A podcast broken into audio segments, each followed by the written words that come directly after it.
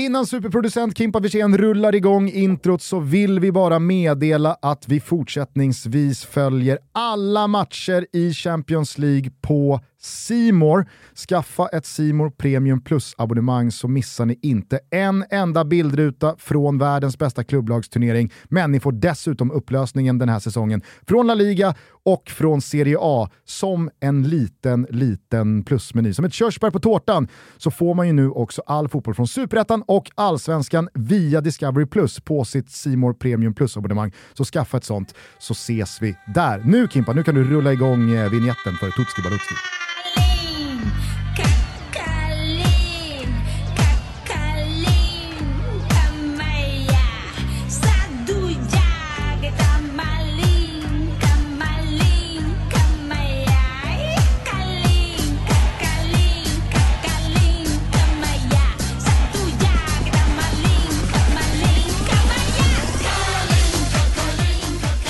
Varmt välkomna till säsongens sista Tutski Balutski Champions League. Vår införpodd när det handlar om stora fotbollshändelser. Och det får man väl fan i mig säga att det nu är dags för. När ni hör det här så är det eh, måndag den 10 april. Imorgon tisdag 11 april så drar Champions Leagues kvartsfinalspel igång. Ska dock sägas omgående att när vi spelar in det här så är det onsdag den 5 april. Så att eh, ni får ha med er och ta lite höjd för att det kan eventuellt ha tillsatts någon Chelsea-tränare och eller dragits något korsband Ja. i de här lagen i de sista matcherna inför de här eh, åttondelsmötena som är de första av totalt två.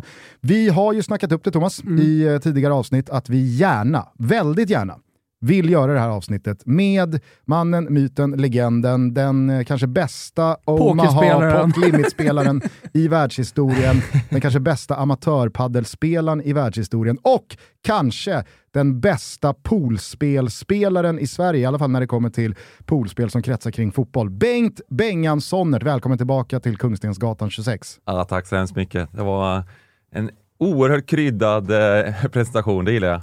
Jag vet inte om den var så kul. Nej, jag tycker inte det. Alltså, jag har gått och funderat på en sak som jag tänkte bara ta upp direkt. När vi körde Pokertutto, då, då var det ju lite så att du fick ett litet uppsving. Du fick energi och blev motiverad att spela poker efter och körde några turneringar, eller hur? Ja, just det. Som du procenten förmodligen inte hade... Precis, det, var dit jag, det är min slutkläm. Sluta nu. Nej, men, eh, hade, hur många skulle du säga tävlingar var du med i Ja. eh, tack vare att Pokertoto fick upp motivationen? Nej, men det är ju egentligen hela min pokerkarriär som, Post. Ja, post eh, som kommer från just Pokertuto tror jag. Ja. Jag vill minnas... Så eh, hur mycket pengar tjänade du? Ja, jag vill minnas bara dagar efter Pokertutto så vann du någon turnering och det var Samma så här, kväll. 109 000 dollar. Och så sa jag det till Thomas och Thomas bara, jaha. Ja okej. Det var samma kväll, Okej. efter du hade åkt hem från kontoret var, och det var 180 000 dollar. 180 000 dollar, sa du? Ja, ja. Nej, nej, det är ju bara Ja, är 800 fint att Man kan bidra med energi och inspiration i alla fall. Steg Ja. fem. Jag är all in. På stege. Stege och fem. Steg och fem. Alltså stege sen fem. SM eller? Ah, han hade stege S högt. Jag är ute. Nej, du vann Nej, jag Det var vann. du som vann allt. Nej, jag vann! Det var du som hade seger. Eh, hur mår du? Mycket bra. Ja. Är du lika peppad på kvartsfinalerna som vi är? Ja, men verkligen. Det är, nej, det är häftigt. Det blev lite så här eh, Nations League-upplägg nästan på kvartsfinalen här med, med A-gruppen, B-gruppen och så vidare. Eh, och det blir ju att nästan kvartsfinalerna kommer bli de mest intressanta i hela slutspelet. Så. Det har ju jag alltid dragit en lans för att kvartsfinaler i just Champions League blir. För att det är liksom tillräckligt nära finalen för att vi ska ha de riktigt bra lagen. Men det är tillräckligt långt ifrån finalen för att det ska prägla mötena defensivt och cyniskt och riskminimerande. Utan i kvartsfinalrundan, då går man för det. Ja, absolut. Och det är fler matcher. Det är kul. Det- Verkligen. Eh, ska vi kasta oss rakt in i tisdagens matcher eller vill vi prata någonting mer om eh, Bengans förträfflighet som eh, person, pokerspelare Ja, och eh, Någonting tycker jag vi kan säga kring så här, vad, vad, folk som inte är bekanta med dig, eh, och nu har vi pratat om poker och så vidare, men vad gör du annars till vardags? Sådär. En liten presentation bara, eller du kan få presentera själv var man hittar dig när du inte är med i den här podcasten. Ja, Nej men precis, vi eh, driver ju ett, eh, en streaming eh, på Twitch som heter The Gambling Cabin. Vi har hemsida och så vidare också. Hur många är det Eh. som eh, kollar och följer och så vidare? Ja, det- är, li- vi är lite olika, men vi har väl eh, liksom en eh, 5-6 tusen varje lördag totalt sett som är inne och kollar när vi kör Stryktipset och så. Eh, Är det lite- orättvist att kalla det för ett liksom, kollektiv som kretsar kring spel? Nej, det är väldigt eh, rättvist tror jag. Ja. Det, det är det som vi kan. Eh, vi är absolut intresserade av sporten och, och kan en del om det också, men det finns många som kan sporten, eh, fotboll framförallt, eh, men även eh, vi kör flera olika sporter, men eh, som kan det ännu bättre än vad vi kan. Men vi ha, har eh, eh, alla en spelbakgrund och eh, försöker föra över den kunskapen till, eh, ja, till eh, communityt, till de som är med eh, och tittar och lyssnar på det vi gör. En sak som jag tycker är så jävla rent, jag gör ju också eh, Toto Live Weekend och eh, ja, men det, det finns Fotbollsmorgon och Toto-svenskan och så vidare. Det som är rent som jag gillar det är att ni liksom bara kör Twitch rakt av. Ja, ja precis. Eh, eh, Så man hittar er där. Det och enkelt, ja. Gambling Cabin på Twitch, precis. Det, det är clean. Släpps det som podd eller? Och vi kör ju lite olika poddar också. Vi Ja. har ju eh, bland annat då Stryktipspodden är ju den som vi kör mest på. Vi går igenom alla 13 matcher egentligen. Det Mm. är enkelt, 1-13 och sen så hoppas på att vi gissar rätt. Det gör ni ibland. det gör vi ibland, precis. Inte bara ibland. Det är skrämmande ofta du och framförallt Simon Dybban Lindell är på, liksom på, på lördagskvällen eller söndagskvällen skickar ut en tweet med ännu en printscreen på den där liksom grönt lysande rätt, rättade kupongen. Alltså det är Ja. något med den där kupongen som Grattis man bara så här, alla man kollar på. Bengans eh, 128 hitta hem idag igen. Otroligt alltså. Otroligt. Eh, med det sagt då, tisdagen, det är väl eh, ingen idé att beat around the bush, utan vi kastar oss rätt in i vad många menar är någon typ av liksom moralisk final. Det är Manchester City mot Bayern München, det är Pep Guardiola mot numera då Thomas Tuchel. Det är Favoriten mot andrahandsfavoriten sett till kvarvarande slutodds. Eh, initial tanke och känsla inför det här dubbelmötet, Bengan? Nej, men det initiala är ju att, jag vet inte, lite från start tycker jag det var tråkigt att de fick möta varandra redan i kvartsfinalen. Det är ju de- två oddsfavoriterna. Eh, det är de två bästa lagen får man väl ändå säga, även om det är eh, ett ovanligt jämnt år. Eh, både oddsmässigt och även som man ser fotbollsmässigt tycker jag det finns, det är lite så här anybody's game, men eh, lite tråkigt att de möts redan nu. Eh, lite tråkigt för mig som hade spelat Bayern att eh, både gå till semifinal, final och eh, vinna. Så fick de, så var det enda jag inte ville ha var City i, eh, i, i kvarten då. Men, Å men det- andra sidan så är väl då det här din final. Ja. För att laget som löser den här kvarten och avancemanget har ju ganska god möjlighet att eh, racka hem de tre spelen. Ja, men så här, sett till hur du har resonerat och analyserat så är det ju lite av en... Eh, alltså, även om du skulle förlora på det här så, så faller du med flaggan i topp på de tre spelen. Förstår du vad jag menar? Ja men eh, det kan man säga. Sen är det ju lite, även då lite otur att de möter då kanske Real Madrid eh, som är oddsfavoriter mot Chelsea i semin som, eh, ja det är ingen, eh, även om de skulle vinna mot City så, så kommer då, Men det misstaget tror jag inte liksom, vare sig Manchester City eller då Bayern München gör en gång till. De, de har nog, liksom alla oss andra, tittat på den där Champions League-våren från i fjol ett par gånger och tänkt att får vi chansen igen mot Real Madrid, då ska vi inte bjuda på någonting. Det, jag tycker att det är kul att Pep Guardiola fortfarande pratar om det där dubbelmötet i semifinalen i fjol, att han liksom fortfarande tänker på det och fortfarande är irriterad på hur de lyckades sumpa det. ja. Det säger en del. Men eh, det, jag känner igen mig det. Jag tänkte på det där länge också. Jag, jag var ju emot, vi har- jag var ju här också och snackade. Jag var emot, Ja, eh, vi försökte, Ni- vi försökte säga till dig att. Real Madrid i Champions League, det är något annat. Ja, och det var det ju verkligen. Eh, Det var, Sen var det ju eh, marginaler och sådär också, men Absolut. man ska komma ihåg att alltså, det jag nästan var mest imponerad av, det, det är deras liksom, totala lugn när de ligger under. Eller inte lugn, men att de kan forcera fram segrar på det sättet som de gör. Alltså det, det är en fas i fotbollen som jag mer och mer intresserar mig av. Som man pratar väldigt lite om. Man tar för givet lite att ett lag forcerar. Men du kan vara bra på det, du kan taktiskt också som coach vara mindre bra eller mer bra på att eh, liksom, ja, träna på forceringsfasen. Det är också, som jag förstått när jag pratat med duktiga tränare, väldigt svårt att träna på forceringsfasen. Eh, när, när du är på din träningsplan. Också som att träna på straffläggning. Ja, det är exakt, svårt. här, exakt. Du, det, och det, det är lite samma sak, även om det är en light-version då, kanske rent mentalt. Men, men att bygga in tävlingsmoment som ska motsvara tävlingsmomentet, eh, adrenalinet och allting som är viktigt i, i en forceringsfas. Det, det, det, är, det är jävligt svårt på ungdomssidan, men det, det är svårt även för Real Madrid. Men eh, det, det, det har ju Ancelotti verkligen lyckats med. Sen kan ju det vara liksom att man har byggt ett lag med vinnarskallar, så att säga. men vad är det? Det är klart att det finns någon slags vetenskap i hur man ska träna på en, eh, på en forceringsfas. Samtidigt så tycker jag att det där är jävligt intressant när man har en gäst här som Bengan som kommer från hållet att man ska värdera liksom det, det, det sportsliga, det konkreta mot ett, liksom, eh, ett odds som spelmarknaden har satt på ens egna tankar och att någonstans däremellan få in de här mjuka värdena.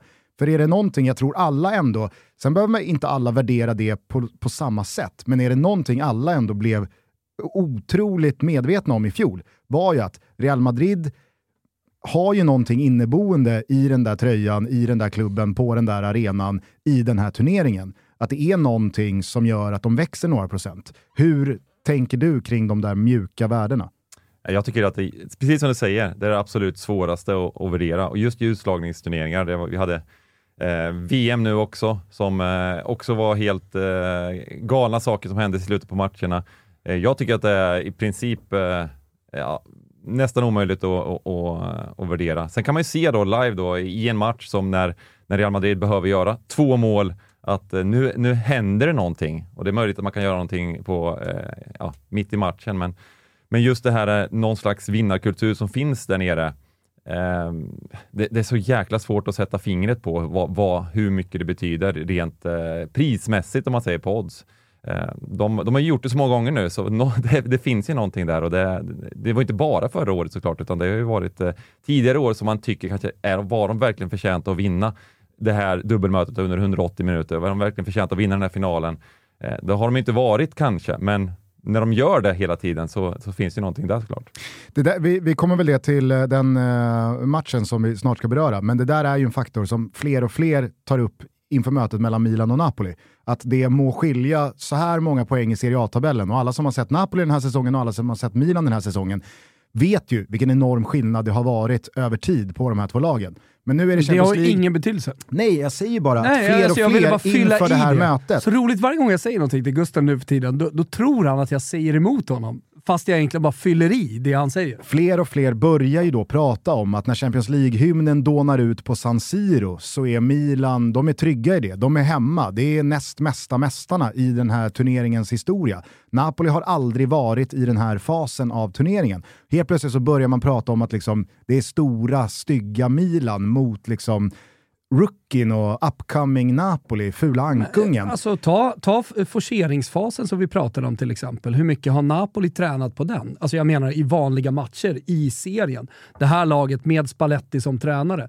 Vad händer om de ligger under med 1-0 eller står eh, ja, 1-1 i, i ett möte som de vill vinna på hemmaplan?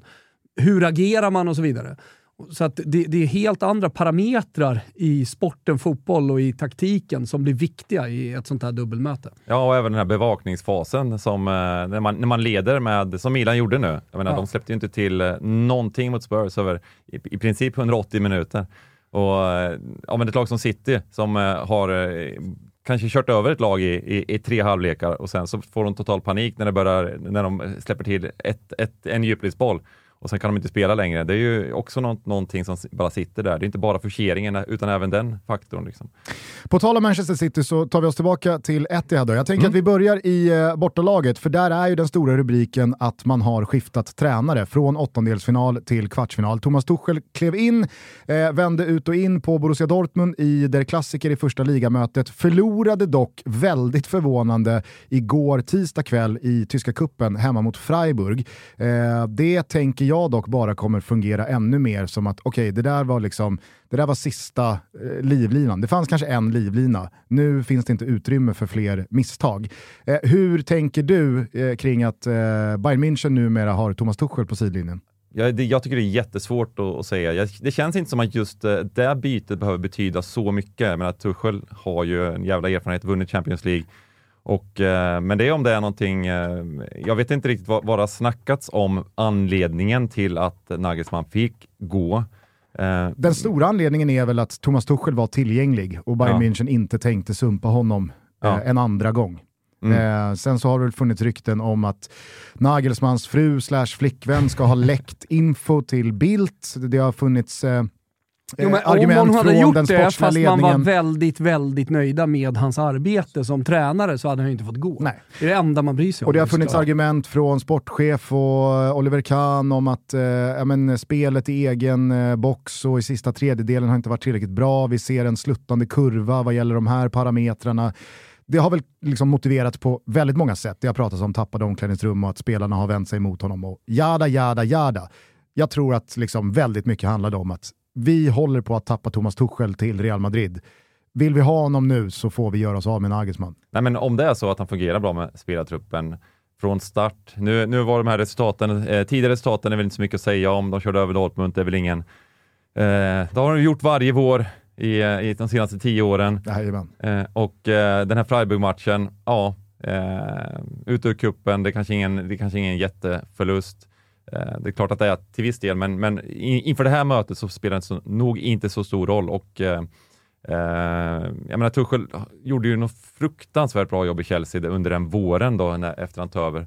Från Lampard, en bra spelartrupp såklart, men, eh, men gjorde de här dubbelmötena, var ju det bästa laget i världen då under den våren. Det var väl inget, det var väl inget snack, de var ju bättre än, än, än, än Man City i flera möten där och, och så att eh, jag tror inte att det behöver vara negativt, Nej. den biten. Jag tänker att eh, det kan bli en jävla intressant repris, eller i alla fall någon form av liknande sammandrabbning som mot PSG eh, för Bayern München, eftersom de i då första mötet på bortaplan i Paris ställde sig så oerhört högt och gick så jävla hårt mot PSG eftersom de då saknade Kylian Mbappé.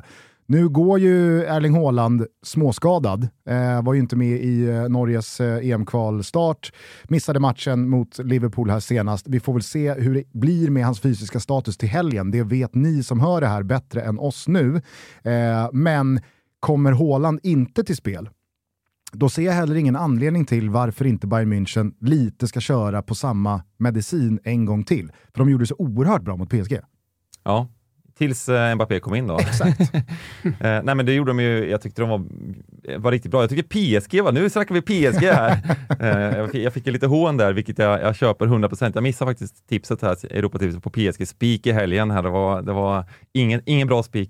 Eh, och men jag tyckte det var ett jävla bra dubbelmöte. Eh, bra fotboll och eh, eh, Bayern var, var, var eh, ruggigt bra, i, framförallt i två halvlekar. Första halvlek hemma var ju PSG också riktigt bra, men Eh, nej, men det kan absolut bli så. Jag tror det, det, det blir väl en sluggerfest det här. Det borde väl bli det bara. Eh, mål och, eh, och eh, just att ja, det blir inte, blir inte avvaktande utan eh, jag, tror att, jag tror att Bayern vill, vill, vill säkert till och med vinna på bortaplan här. Liksom, så att, eh, Ja, för jag utgår från såklart att Haaland är fit for fight här och spelar. Och gör han det, jag vet inte vad du ser för match framför dig då Thomas? Nej, men det- jag är in, helt på Bengans linje här att det blir en sluggerfest. Eh, och så så dels hur, eh, hur Thomas Tuchel är, att det är kvartsfinal, att det är skarpt läge direkt. Jag, jag, tror, jag tror att det, det är farligt att gå in i ett sånt här möte oavsett om du är City eller om du är eh, Bayern München och vara lite låg energi, stå lågt. Utan jag tror att det, så här, båda lagen kommer spela lite man-man i pressspelet och det, det, det kommer bli liksom fart från start. Sätta, eh, det, eh, första 25 minuterna eh, blir mål där, då tror jag att det kan liksom spåra lite i en sån här match också. Dessutom, alltså en viktig del här är att det är många målskyttar på plan samtidigt. Alltså, eh, eh, City ställer väldigt många liksom, potentiella mål, målskyttar på plan. Bayern München gör samma sak. Alltså om du jämför med typ Napoli, så har de inte lika många. Eller jämför med mm, ett annat lag. Napoli är väl dåliga. De har Kvaratskhelia, de har Osimhen och sen kanske de har en tredje gubbe. sådär. Men tar du Milan till exempel, ja, men det är Giroud och Leao som ska göra mål.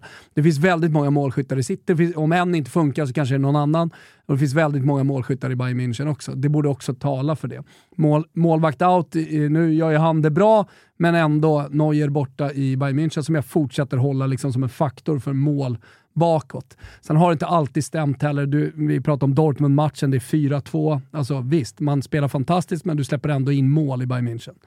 Eh, och jag, jag ser definitivt eh, eh att Bayern München gör mål i det här mötet. Så att det, det, det är ju ah, man, över, jag ska säga det, vi, vi har ju, eh, vi har ju Toto Balotto fortsatt sa, eh, i samarbete med Snabbare. Vi har spelat eh, i alla de här fyra mötena ett spel. Det ligger på snabbare.com. Eh, 18 år är det som gäller, stödlinjen.se och så vidare.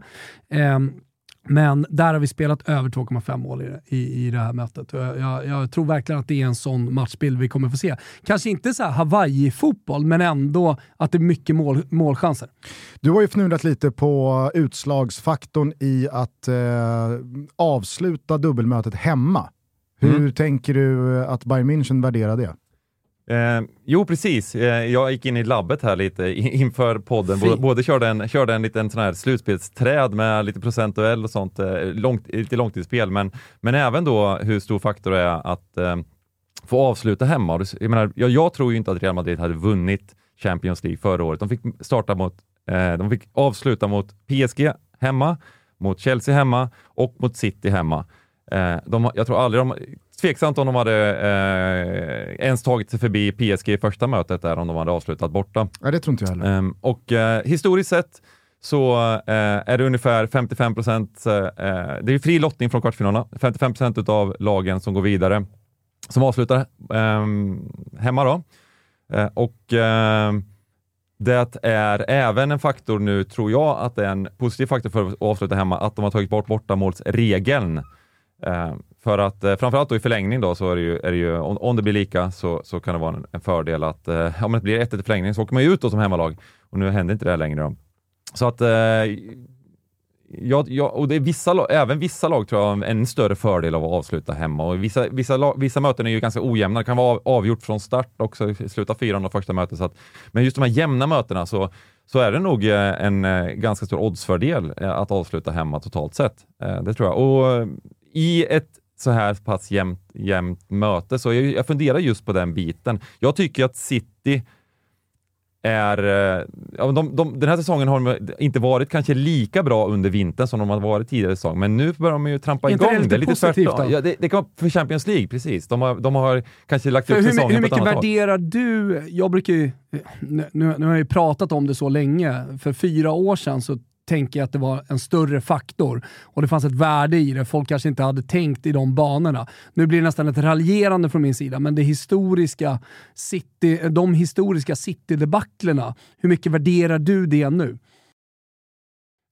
Jag gjorde inte det så mycket inför förra säsongen, men, men jag Real Madrid vände upp och ner på allt. Ja, men inte bara Real Madrid. Jag tyckte att eh, i det här mötet, dubbelmötet mot Atletico, eh, när de i andra halvlek liksom eh, fick total panik. Mm. Jag menar, det är inte så många som snackar om det mötet, men hur, hur Atletico bara med fysik och, och kraft och vilja körde över City i andra halvlek och, och borde gjort minst ett mål. Men just det, där kommer vi återigen tillbaka till så här, hur, hur, mycket, alltså hur bra är du på att lida? Mm. Alltså vi pratar, eller kontrollera eh, en match lite som Milan-Napoli där och forcera. Alltså Mm. två olika skeden av, av ett dubbelmöte. Mm. Eh, första inte lika mycket, kanske andra ännu mer beroende på vad det står. Första mötet mer vilka är bäst. Mm. Andra mötet, där kommer de faktorerna in ännu mer. Såklart även leder Bayern med 2-0, 1-0 på bortaplan så hamnar man ju såklart i ett, i ett läge där man ska lida lite en City-forcering. Men, men, men där vet jag inte riktigt, personligen vet jag inte riktigt vad jag har City. Eh, Nej. Och då går jag på historiken. Mm. Spelmarknaden har ju gjort City till ganska klara favoriter eh, att gå vidare. Ja. Håller du med och, och liksom, köper du in dig på det eller eh, tycker du, som jag, vill jag bara säga, att det borde vara lite mer jämna odds? Mm. Ja, men jag, eh, jag håller nog med dig eh, en del. Jag, jag, jag funderar på hur jävla bra City är just nu bara. Det, det är det som kan vara, kan vara den andra faktorn då. Att, eh, eh men, men jag köper att det kan vara lite jämnare odds. Det här, eh, ja, just, just på grund av den anledningen också. Att säga att vi säger att de är relativt jämna från start de här två lagen och sen avslutar Bayern hemma. Mm, lite jämnare skulle det nog vara, men, men eh, Ehm, om man spelar Bayern, vilket jag är sugen på att göra, jag har gjort det också, men, men, men även i, i det här att gå vidare härifrån så är jag lite orolig Så över Alltså, du sitter just på den... Bayern semifinal, vinnare samt... Ja, eller, då blir, eller har Ja. du ytterligare ett spel på liksom det här mötet? Nej, nej precis, inte än har jag inte spelat det, men Nej, det, kommer, det kanske nej, kommer då. Vi får, Jag får- hade ju Real i fjol. Ja. Jag fyllde ju på från hösten. Ja. När de började med att torska hemma mot eh, FC Sheriff. Då gick, nu då gick de ju upp i 27 gånger Ja. eh, att vinna. Och det är ofta väldigt bra lägen det där att spela när ett, ett bra lag har gjort en väldigt dålig insats. Mm. Eh, för att eh, ja, det blir en, det blir en psykologisk reaktion från det. är lite som sådär, eh, en eh, aktiemarknad eller vad som helst. Om det kommer en dålig rapport men, det- men det är ett bra bolag så, så kan det bara eh, droppa alldeles för mycket. Men det här är ännu mer så. Det är en, oerhört känsligt när ett lag gör en dålig insats. Det var ju lite som Argentina förlorade mot eh.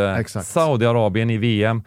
Eh, det stack ju upp oddset oerhört där, och, men det betydde ju egentligen inte så mycket. Behövde, behövde egentligen fyra poäng på de två sista matcherna för att gå vidare och därifrån så, eh, ja, så vet vi vad de kan göra i ett slutspel.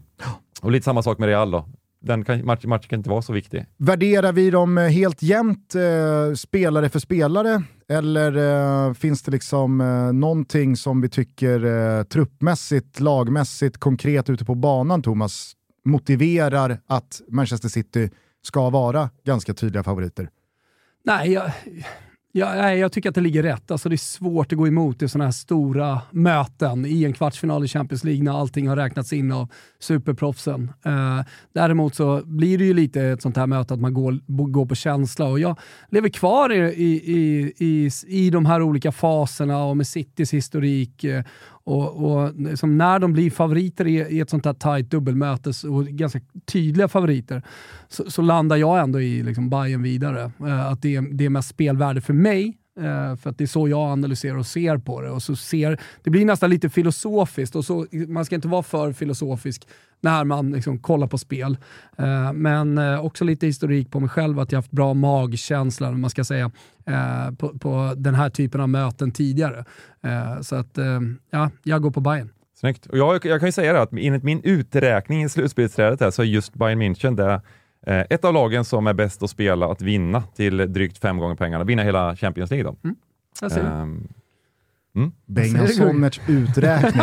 Den- han sneglade ska jag Den, säga, eh, den, ifrå den ifrågasätter man inte. Han sneglade ner när han sa det också, så Ja. man vet att det finns en jävla... Man sneglar bort mot datorn där uträkning. Om vi eh, då bara byter eh, Etihad i Manchester mot Estadio da Luz i Lissabon då, för parallellt med Manchester City Bayern München så är det ju dessutom då Benfica mot Inter. Portugiserna de värmer upp inför det här mötet med att mer eller mindre då spela för ligatiteln mot eh, Porto. Man leder portugisiska ligan med 10 poäng. Skulle man eh, vinna då matchen som spelades för två dagar sedan när ni hör det här, ja då är ju ligatiteln mer eller mindre säkrade. Man har ju gått fram som en eh, jävla skördetröska hela den här säsongen, såväl inhemskt som i Champions.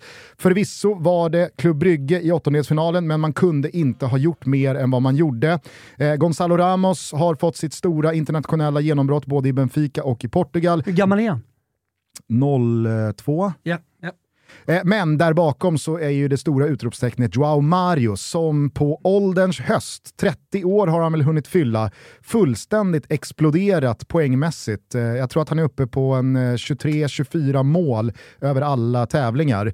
Lägg där till säkert tvåsiffrigt antal målgivande passningar också. Där finns ju en rad andra högprofilerade spelare som vi verkligen gillar i den här podden. Men Första frågan blir därför Benfica. Hur har du följt dem den här säsongen och hur högt håller du dem?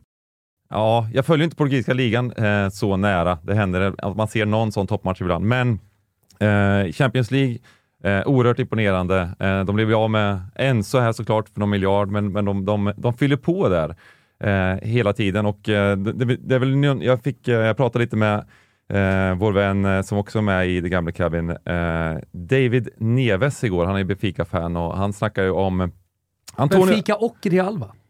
Eh, gott öga i alla fall till Real. Gott, gott öga kan han nog ha, Ja. men, men, eh, men eh, det är framförallt Benfica, han är väl halvportugis. Eh, Malmö FF. och Malmö ja, och Malmö. Precis, och eh, han snackar ju om den 19-åringen i försvaret. Och Ja. Stanislav Wawrinka på ATP-touren. Ja, det det är väl hans gubbe. Vad har han för häst då? Som han, som han Bengan. Ja, okej. Ja, det stämmer faktiskt. Den, eh, är, Ej döpt efter mig. Nej, det- jag det var det jag skulle fråga. Ja, ja, nej. Utan eh, den hette någonting med Bengt från, från gården tror jag. ja, står hos eh, Daniel Redén. Stämmer va? Snyggt. Eh, vad var vi? Sorry, ah, Bengan. Antonio Silva, ny, nya miljardmannen. Går Precis. för en miljard i, i, i sommar säger han. 19 år, eh, mittback va? Mm. Eh, har ju sprungit Eh. och hållit eh, Otamendi i handen och liksom skolats in Mm. På den här nivån. Eh, Och då kommer ju snacket gå när han nu lämnar Otamendi i sommar, om man lämnar, att eh, ja, hur ska han nu klara sig bredvid den mittbacken och hur mycket gjorde Otamendi och så vidare. Men det kommer vi till då. Mm. Ja, Eh, vad nej, var men- vi? Sorry Nej, men, vi bara men, men, eh, jag kan ju börja med att bara säga att eh, Benfica är faktiskt det andra laget som eh, jag också värderar till väldigt bra värde att spela, att vinna hela Champions League runt 15 gånger. De har ju få, fått den enkla sidan eh, och eh, det blir ju blir ganska stor faktor eftersom eh, det är ju dubbelmöten eh, och då möter de de enkla lagen med lite hårda öron i, till, till finalen och sen är det enkelmöte i finalen vilket är, är större ehm, Det är bättre för underdogen. Bättre för underdogen, bra. Eh, precis så.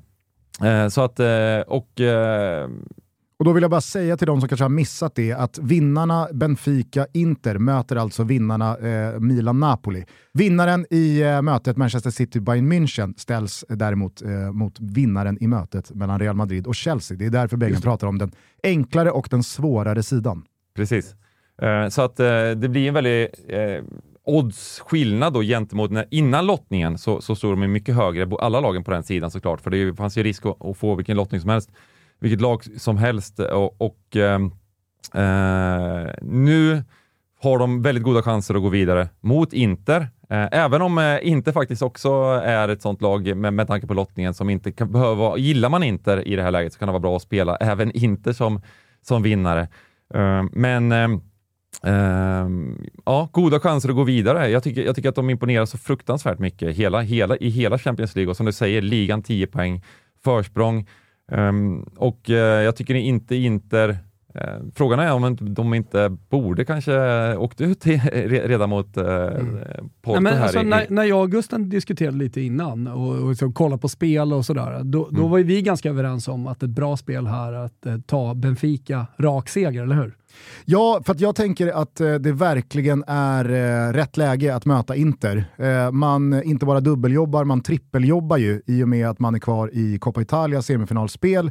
Spelade då i förra veckan eh, första semifinalmatchen mot Juventus. Eh, 1-1 eh, i en hård, eh, tung match, gick till 96-97 minuter. Eh, nu eh, värmer man förvisso upp mot Salernitana som kan tyckas vara en enkel match på pappret.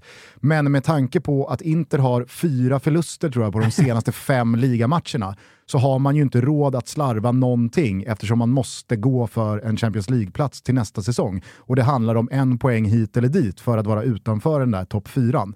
Så att eh, Inter Och det, får ju det liksom ska att det ingenting betyder gratis. mer, nästan, eh, eller det betyder mer att gå till Champions League för en vidare satsning och, och fortsätta hålla ångan uppe i projektet så att säga. Ja. Att vinna över Sal- Salernitana, så man kan ju inte vila spelare. Det är Nej. viktigt att ha med sig in i det här mötet, som Så jag tycker är Inter- en tillräckligt stor faktor för att spela Benfica. Inter reser ju med 0,0% gratis här i uppladdningen till Portugal mot ett Benfica som har besegrat eh, eh, Juventus rakt upp och ner den här Champions League-säsongen. Man spelade två oavgjorda matcher mot PSG och man har vänt ut och in på den portugisiska ligan där Porto finns med, det Porto som Bengan mycket riktigt sa då, liksom, pressade Inter på marginalen till eh, att eh, ta åttondelen till förlängning. Så att jag tycker verkligen eh, väldigt mycket talar för Benfica här. Jag, jag, eh, jag ser det som, även fast man såklart i ett land som Sverige med relationer man har till Italien kontra Portugal, såklart har liksom bättre koll på Inter, det är vid första anblick ett namnstarkare lag och så vidare. Men vi har ändå men- fått men tillräckligt till bra man- koll. Så här. Ja men det är det jag menar. Sett- och sett eh, vi till- pratar om genombrott här på spelare under den här säsongen, vilket är, alltså, så här, när vi började säsongen så undervärderade vi uppenbarligen eh, Benfica, för vi visste inte hur bra de här spelarna skulle prestera. Eh, allt från Jao Mario till eh, de unga spelarna som, som nu liksom ska köpas för en miljard av de stora klubbarna i Europa. Ja, ehm, det är just den biten som är väldigt svårt att värdera tycker jag, för att eh, eh, vi måste ju värdera upp eh, eh, Benfica efter den säsongen Mm. de har gjort och, och Inter kanske, jag, jag har trott att Inter ska, ska kanske Växla upp växla liksom. upp Mm. lite, absolut. Jag, jag har haft den känslan och Men de har inte heller den erfarenheten. Alltså om, man, om man nu går tillbaka också till det historiska perspektivet. Vad är det här för interlag? Vad är det för tränare de har? Eh, visserligen finns det en del eh, campioni så att säga i, i truppen, men vad har de gjort i Europacuperna som liksom, ett modernt Inter? Och vilka är då det? Ja, i, alltså i, i eh, förhållande till Benfica så skiljer det inte så mycket, utan man går då istället felaktigt, tycker jag, på namnet Inter. Att det liksom har varit en storklubb under en väldigt lång tid. Ja, men- det, men man- det här laget, den här truppen, den här tränaren, kanske inte så stor skillnad jämfört med eh, spelarna, sett till att gå in i ett kvartsfinalmöte menar jag. Och de olika ske- skeendena i en match. Ja, det såg vi ju även om vi jämför då med Milan, hur de hanterade överläget mot, mot Spurs eh, gentemot eh, hur, vad Inter gjorde i andra halvlek eh, mot Porto, där de bara skulle försöka bevaka men släppte till eh, stolpar och ribber och eh, allt vad det var. Eh, Mm. Herregud, och mot vad ett egentligen sämre lag då kanske än vad Spurs borde vara i alla fall. Mm. Eh, så att ehm, eh, ja, det, det, det, det kan vara en, en, eh, en faktor också, men just den här biten. Eh, hade vi suttit här för ett halvår sedan och sagt så här, inte mot Benfica möts i en kvartsfinal, vilka ska fav- vara favoriter? Då hade ju alla stämt in och sagt, inte det klara, klara favoriter. Nu är det helt jämnt. Till och med Benfica är lite, lite favoriter. Och eh, det gör att man är lite orolig för att man, om man ändrar så mycket på, på sin åsikt eh, med någon slags grundvärdering utav spelarna, grundvärdering utav lagen. Eh, så, eh, men jag köper det att eh, det finns väldigt mycket i Benfica som talar för att de kommer fortsätta göra bra insatser. Eh, Jag, eh, jag tycker dessutom att... Eh, Ligaspelet tycker jag bara fyller i där. J- Mm. Jätteviktigt med, med Benficas tabellposition kontra Inters och hur läget är i klubben. Ja, men det jag tycker imponerar mest eh, på mig med Benfica och varför jag tror att liksom, Benfica faktiskt eh, tar sig vidare här. Jag har ju pratat om Inter som en dark horse hela den här säsongen. Vill jag bara inflika och påminna Thomas och våra lyssnare om. Men jag tycker att Benfica har varit så fruktansvärt bra på just Estadio da Luz när de bestämmer sig för att dra åt, eh, vad heter det? S- s- Snaran? Nej, eh, Nej. skruvstädet Ah, okej. Och bara trycka på. Jag tänker bara lite på det där resonemanget du förde med hemmaplansfördelen i returen. Jag tror att Benfica också tänker på det och Mm. vet att 1-0 i 60 här hemma i Lissabon, Mm. det, det är inte det läget vi ska åka till Milano med, utan här ska vi gå för tvåan. Här ska vi liksom, vi, vi har möjligheten här att trycka på i 93 minuter och det ska vi göra. Och den frontkvartetten i Benfica med Gonzalo Ramos, Joao Mario, Rafa Silva, alltså jag tror att så bra och så inoljad eh, den eh, offensivmotorn är kontra ett ganska rörigt Inter för dagen med många eh, skador och mycket laborerande i den där trebacken och de har haft det jobbigt på mittfältet och Hakan är borta. Och, äh, jag, jag, jag ser hur Benfica inte bara liksom dominerar och vinner den här matchen, utan jag, kommer, jag, jag, jag tror att vi kommer få se ett Benfica som resonerar lite som så att vår bästa möjlighet till avancemang här, det är att gå på knock här. Mm. Ja, jag hade hållit med helt om de hade avslutat. Hade Benfica avslutat hemma, då hade jag känt mig tryggt i att, eh, trygg i att de skulle vara klara favoriter, eller, eller vara favoriter.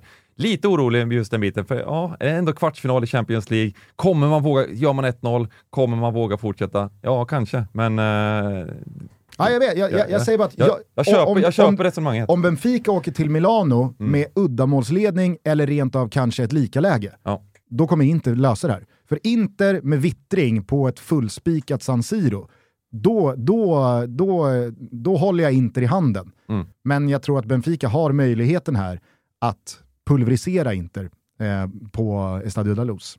Otroligt peppad man blir. Eller hur? Ja, verkligen. Eller hur? Eh, Ska vi skifta dag då? Yes. Vi tar oss eh, till onsdag, för där blir ju faktiskt inte matcherna eh, speciellt mycket sämre. Ska vi börja i Spanien då, så håller vi oss kvar på den Iberiska halvön. Regerande mästarna Real Madrid tar sig an ett för dagen interimlätt Chelsea. Det är då alltså Bruno Saltor, den gamla ytterbacken från Brighton som plockades upp i Graham Potters tränargäng följde med till Chelsea och blev kvar.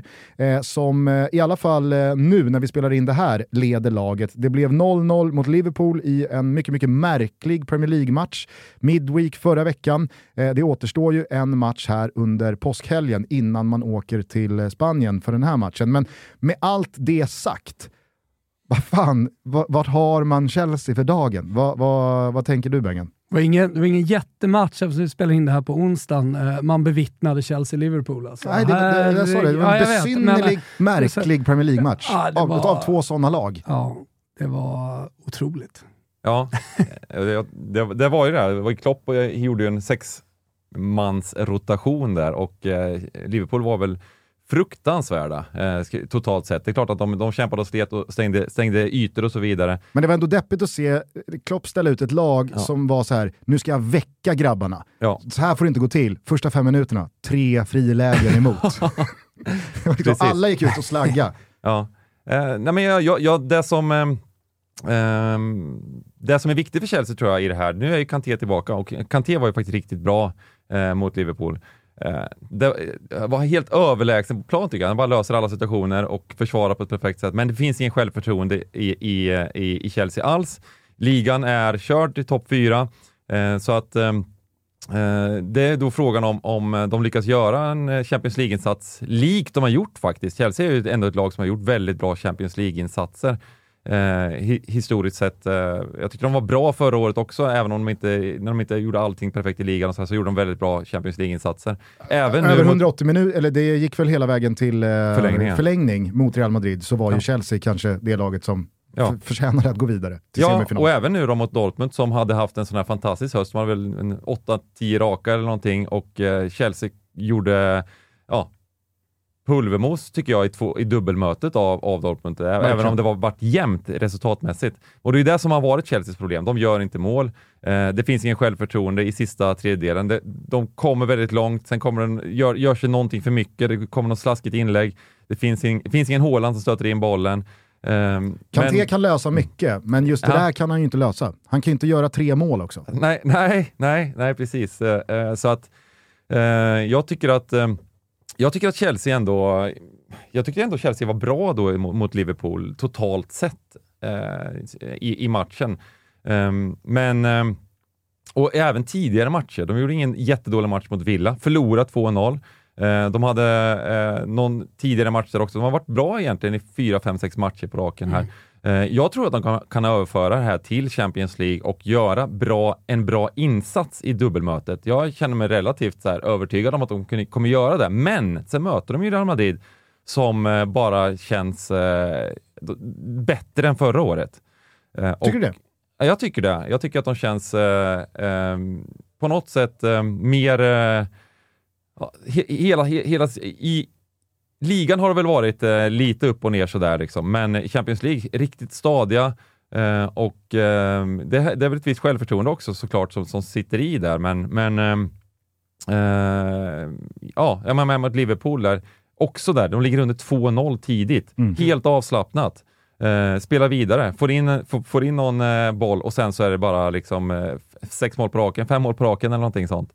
Ehm, och ehm, det, det, just, det här, just den skillnaden på två lag, ett, ett fungerande lag som Real Madrid är, de är inte, det, det, de, det är verkligen ett lag eh, som spelar ihop nu och eh, mot ett Oh, jag vet inte vad jag ska säga om Chelsea, det, för det är ju inte det. Det är ju inte ett lag än. De har inte fått så, eh, lagbygget fungera, men, men, men eh, eh, spelarmässigt så är det ju, är ju jättehög kvalitet såklart.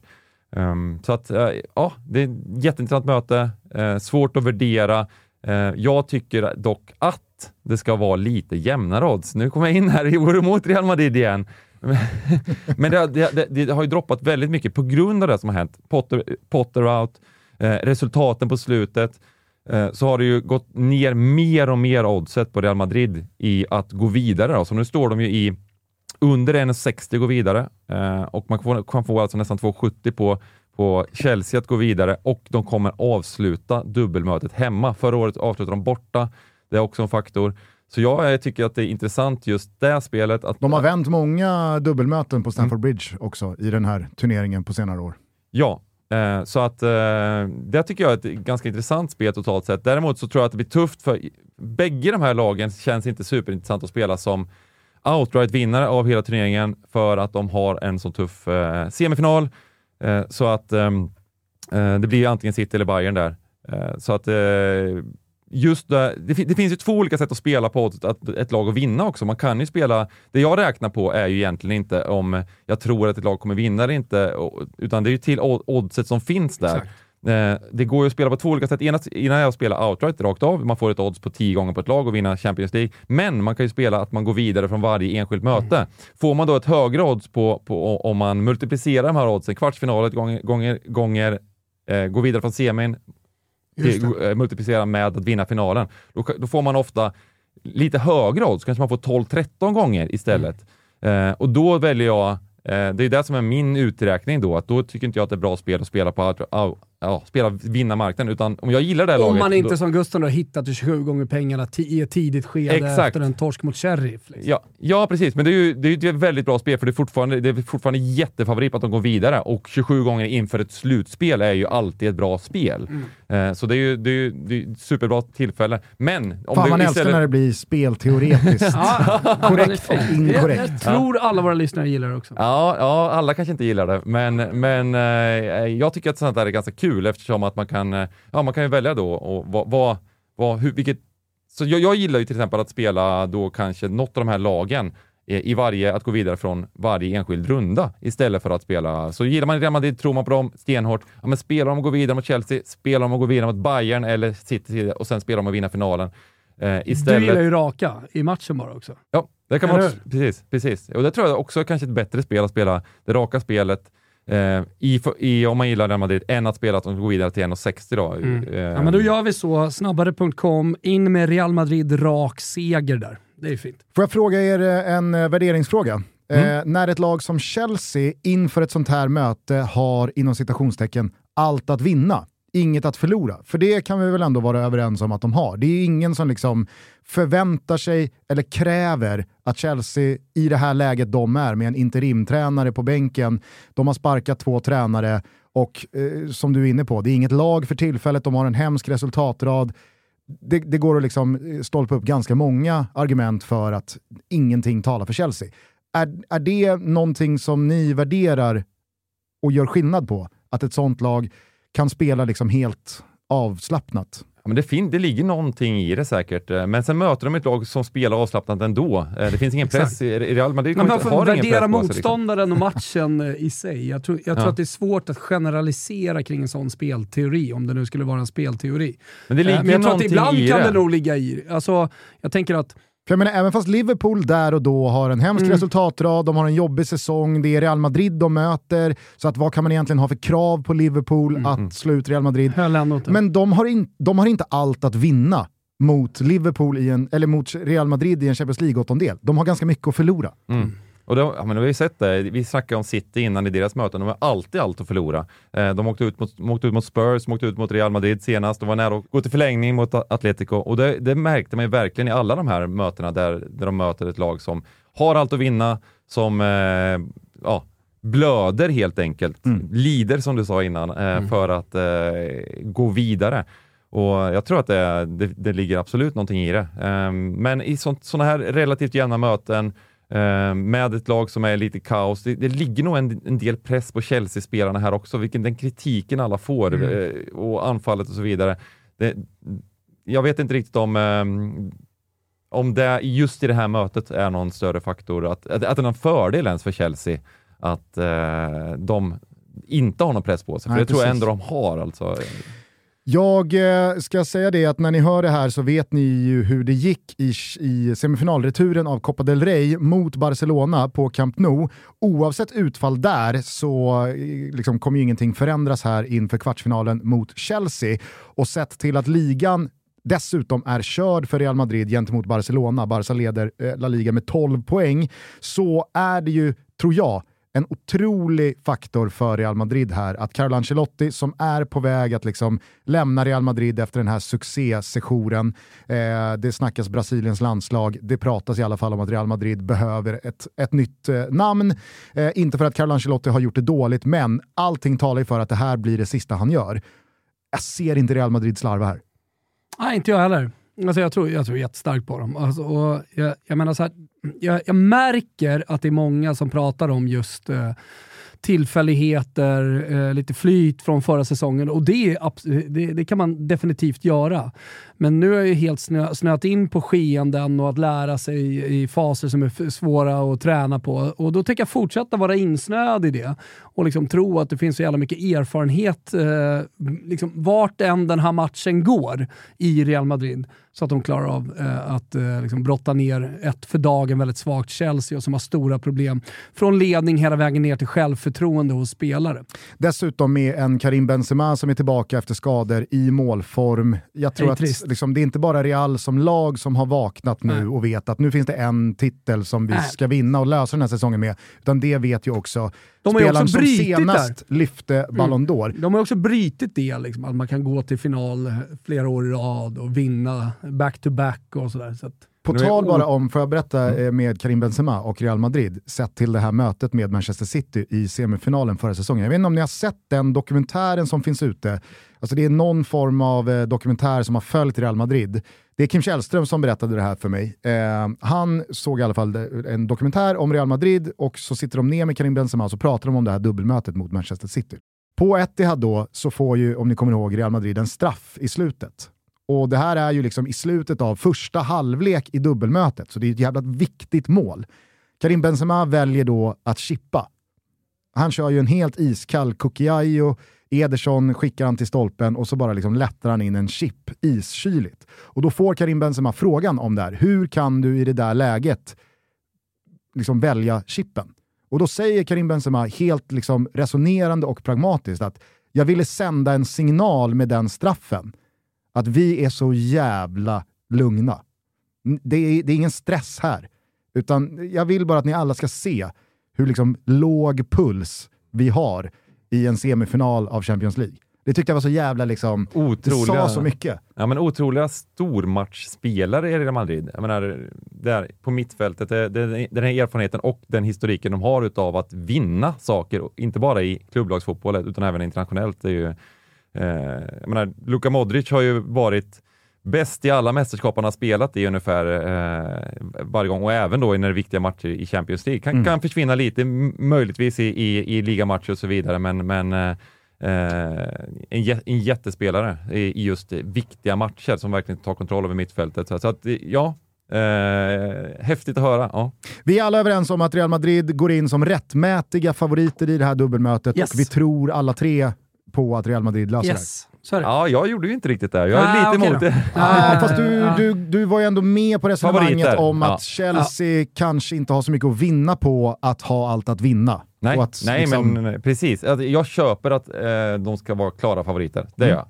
Eh, avslutningsvis då, ett högintressant helitalienskt möte som inleds på San Siro. Det handlar om Milan mot Napoli och där blir ju givetvis ingången den att Milan slog Napoli med 4-0 på bortaplan för eh, tio dagar sedan ungefär. Vad gör du av ett eh, sånt resultat när de här lagen som ska mötas nyss har mötts och att då underdoggen fullständigt körde över favoriten. Ja, precis. Eh, det var ganska intressant för jag följde, då, nu snackar vi, det blir mycket oddsnack här när jag är med, men eh, ni får köpa det den här gången. Det är därför du är här. Ja, det är därför jag är här, precis. Jag Eh, jo, så. märkte på just oddsen att gå vidare då i Champions League. Eh, flög ju upp på, på, på Napoli här. De var ju väldigt, väldigt klara favoriter, men i och med det här mötet när de förlorade mot Milan med så mycket, ja, det var 4-0 till slut va? Hade kunnat bli sex. Ja, precis. Eh, och eh, då gick oddsen upp eh, kraftigt på, på Napoli eh, att gå vidare. Jag tror inte, det är lite samma sak här möjligtvis. Vi snackade tidigare om du spelar Real Madrid, de gjorde en dålig insats i en match förra Mm. året. Eh, att det behöver ha så stor betydelse. Däremot, eh, Det var en halvdålig Q1-rapport på Napoli bara. Men det är ett Ja, jävligt precis. bra bolag. bra, bra, bra framtidsutsikter Mm. för Napoli kan man säga. Eh, så att, eh, det är mer intressant med det ni snackade om innan, just Champions League-rutinen och just de här enskilda matcherna, vad ett lag som Milan har gjort och kan göra, trots någons, en stor, stort, ett stort, stort gap kvalitetsmässigt under säsongen. Eh, det tycker jag är mer intressant att, att tänka på än, än just att de möttes nu. Det är klart att det kan bli en psykologisk faktor, eh, men, eh, men rent värderingsmässigt så tycker inte jag det bör vara så stor skillnad.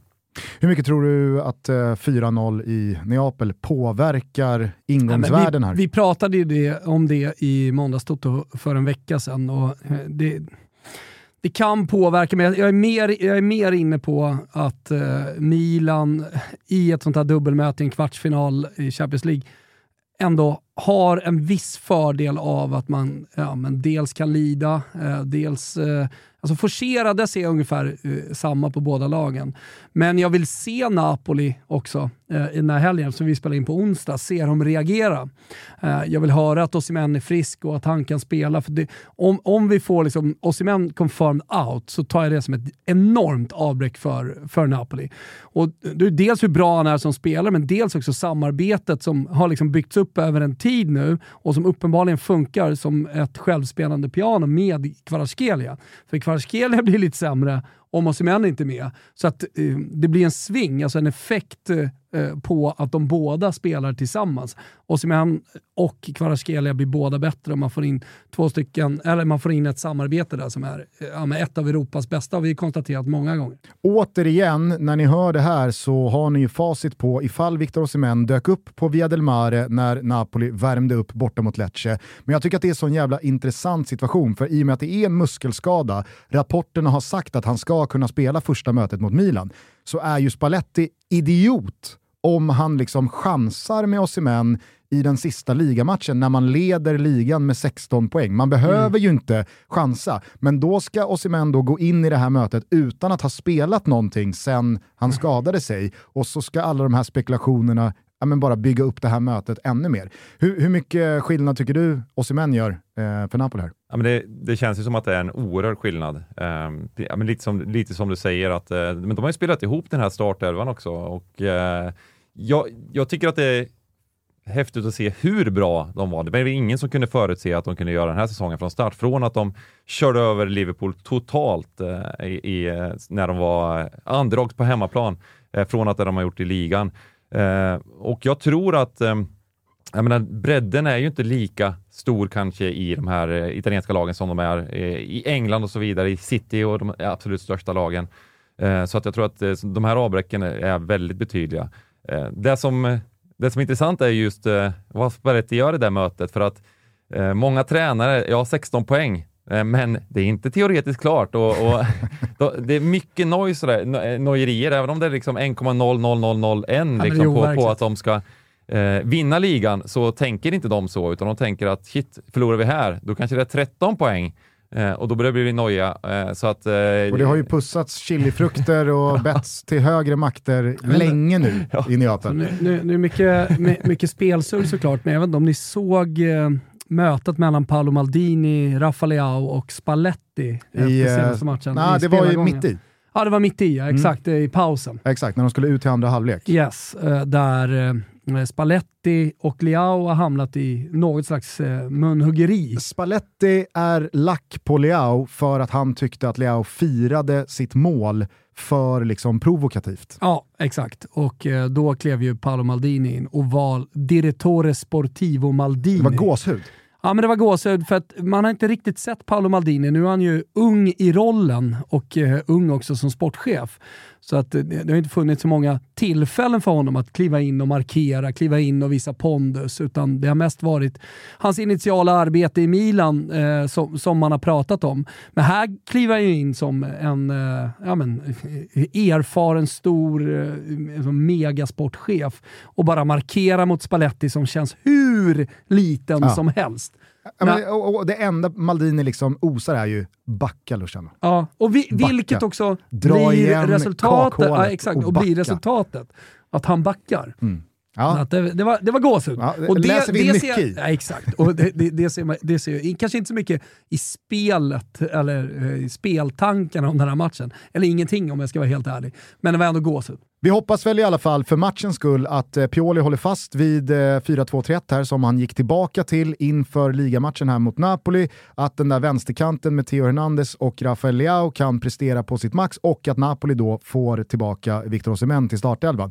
För det här är ju ett möte där man vill, som du är inne på, man vill ju att båda lagen ska kunna ha sina bästa elver på banan så att det inte blir en asterisk efter Napolis uttåg att jo men vi fick klara oss utan Victor Osimhen i båda matcherna. Klart som fan att liksom, vi åkte på det. Med det sagt, vi får väl se vilka som spelar, men eh, spelet borta på snabbare för alla 18 bastingar är i alla fall att båda lagen gör mål, så, så hittar ni det där. Eh, jag eh, vet inte om jag har eh, liksom, eh, ställt den raka frågan, men eh, tro, tror du Napoli löser det här som de favoriter de såklart är över 180 minuter mot Milan, eller hur resonerar du eh, in, inför det här dubbelmötet? Jag tror det, ja det tror jag. Eh, att eh, de kommer att även avsluta hemma. Nu, nu blir det där, nu har jag fått det på, på liksom, Låsning. låsning på att de avslutar hemma.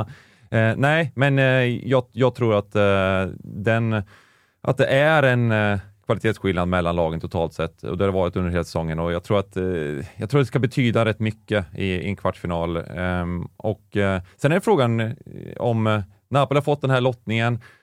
Ehm, de är stora favoriter går hela vägen till final. Betyder det någonting? Det här snackar vi om att eh, börjar de tänka på det här redan nu? Nu har vi nu, första läget genom 0-4 historien. gör ju någonting med Ja. pannloben alltså. Eh, 1-1, 1-2, ett par klassaktioner av Leao, det hade varit en sak. Mm. Men 0-4, håll med, det, det, det rör till det för en. Mm. Hur mycket ska man värdera det? Har Ja, det hänt både något och så 0-4 vidare? och just det självförtroendet som, som Milan har efter, efter. Jag trodde ju faktiskt på Spurs i dubbelmötet eh, Mm. rätt kraftigt. Att de kommer, de kommer, det var ju en period också där Milan var lite under isen Mm. tidigare, men de, hur de skötte det dubbelmötet eh, så det blir ju också en hyperintressant eh, ja, första matchen här då, som är helt jämna odds i första matchen. Mm. Eh, Så är det. på San Siro. Med det sagt då så vill jag återigen påminna er om att eh, jag öppnar Champions League-studion imorgon tisdag och i övermorgon up. onsdag 20.00. Vi eh, ser oerhört mycket fram emot de här kvartsfinalerna eh, och ni vet ju såklart att ni ser alla minuter av den här turneringens upplösning på Simor. Har eh, man eh, liksom, eh, tankar på att eh, men det är inte så många matcher kvar av Champions League-säsongen, ska jag verkligen skaffa mig ett simor abonnemang då vill jag till er rikta mig och säga att man får ju dessutom all fotboll från La Liga, från Serie A, men också via Discovery Plus från Superettan och Allsvenskan också. Och så upplösningen i portugisiska ligan Ja, kan men du då så. eh, Ja. rikta in dig på här nu när april snart ska bli maj och Benfica stormar mot den där ligatiteln. Så har ni inte ett Premium Plus-abonnemang hos Simor, skaffa det så ses vi alltså i Champions League-studion imorgon och på onsdag. Underbart. Eh, avslutningsvis Bengan, så har ju vi eh, haft en liten, liksom, eh, ett running gag jag vet inte hur kul det har varit, men jag och Thomas har ju gentemot Premier League-runket varit väldigt tydliga med att Napoli ska vara favoriter i ett dubbelmöte mot Arsenal. Eftersom folk då menar på att liksom så här, Premier League, det är världens bästa liga, Arsenal gör en otrolig säsong. Men vi vet ju hur få det är som följer den italienska ligan kontra Premier League och hur få det är som verkligen förstår hur bra Napoli har varit. Så jag undrar bara, om de två hade mötts och det hade varit jämna odds, vilken sida hade du tagit då? Oj. Uh, nej, jag, måste nog, jag är nog ledsen att säga att jag tar nog Arsenal-sidan ändå. Jag börjar väga Förstör stämningen i studion här.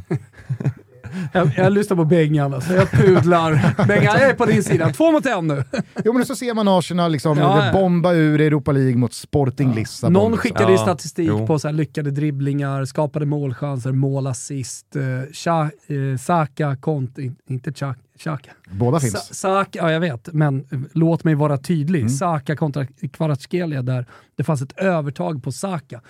Så att, eh, ja, ja, jag börjar väga över, helt klart. Kanske Men- vägt Och över. låt mig vara tydlig, jag tycker Arsenal har gjort en fantastisk Ja, säsong. ja. Jag tror att de kommer vinna den här Premier League-titeln till slut och i sådana fall gör de ju då, på ett, då, då, då gör de ju det på ett oerhört imponerande sätt.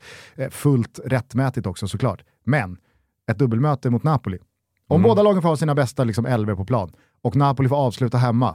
Där har vi det. Och eh, eh, jag tror att du säkert kunna göra så här att eh, jag tror att Arsenal skulle bli oddsfavoriter och det är lite där jag kanske utgår ifrån. Men det hade nog säkert varit ett väldigt bra spel på Napoli eh, mot eh, Arsenal i ett dubbelmöte. Till lite det underdogs. Som alltid tänker Bengasonet ett steg längre Underbart. och letar värdet. Yes. Helt underbart. Eh, Bengan, är det någonting annat du vill skicka med Gå våra lyssnare låt, in kanske? i Champions League-kvartarna? Eh, Lyssnar du på musik? Känns som att du inte lyssnar på musik. Jo då, jo då. Är det någonting i ditt labb där och i din räknesnurra och i dina Excel-kalkyler som du inte har eh, fått ut, som du vill dela med dig av?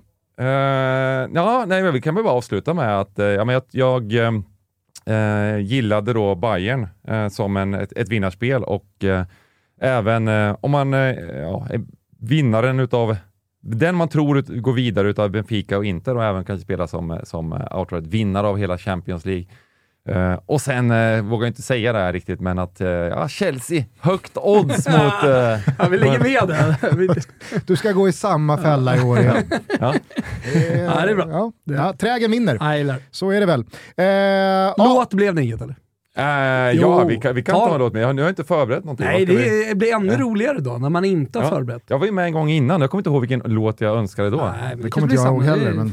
Ja, Jag, eh, jag eh, br- brukar ju säga, liksom, eh, när jag fått den här frågan innan så var det min, eh, eh, den, min grupp när jag var, växte upp var Soundtrack of Our Lives som jag lyssnade mycket på. Nu var jag faktiskt på vår vän eh, Simon Lindells eh, 40-årsfest, då spelade eh, front... Eh, eh, eh, nu, nu fick jag ett hjärnsläpp. Ebbot såklart. Spelade. Han hade hyrt in Ebbot och spelade. Alltså det här- Instant Repeater 99. Va? Alltså det, det var det- så stort. Otrolig upplevelse. Det säger, också, och det säger också väldigt mycket om hur mycket deg Dybban har dragit in här på poolspelen senaste tiden, när han kan liksom dega Ebbot för en privatspelning på, vad sa du, 40-årspipan?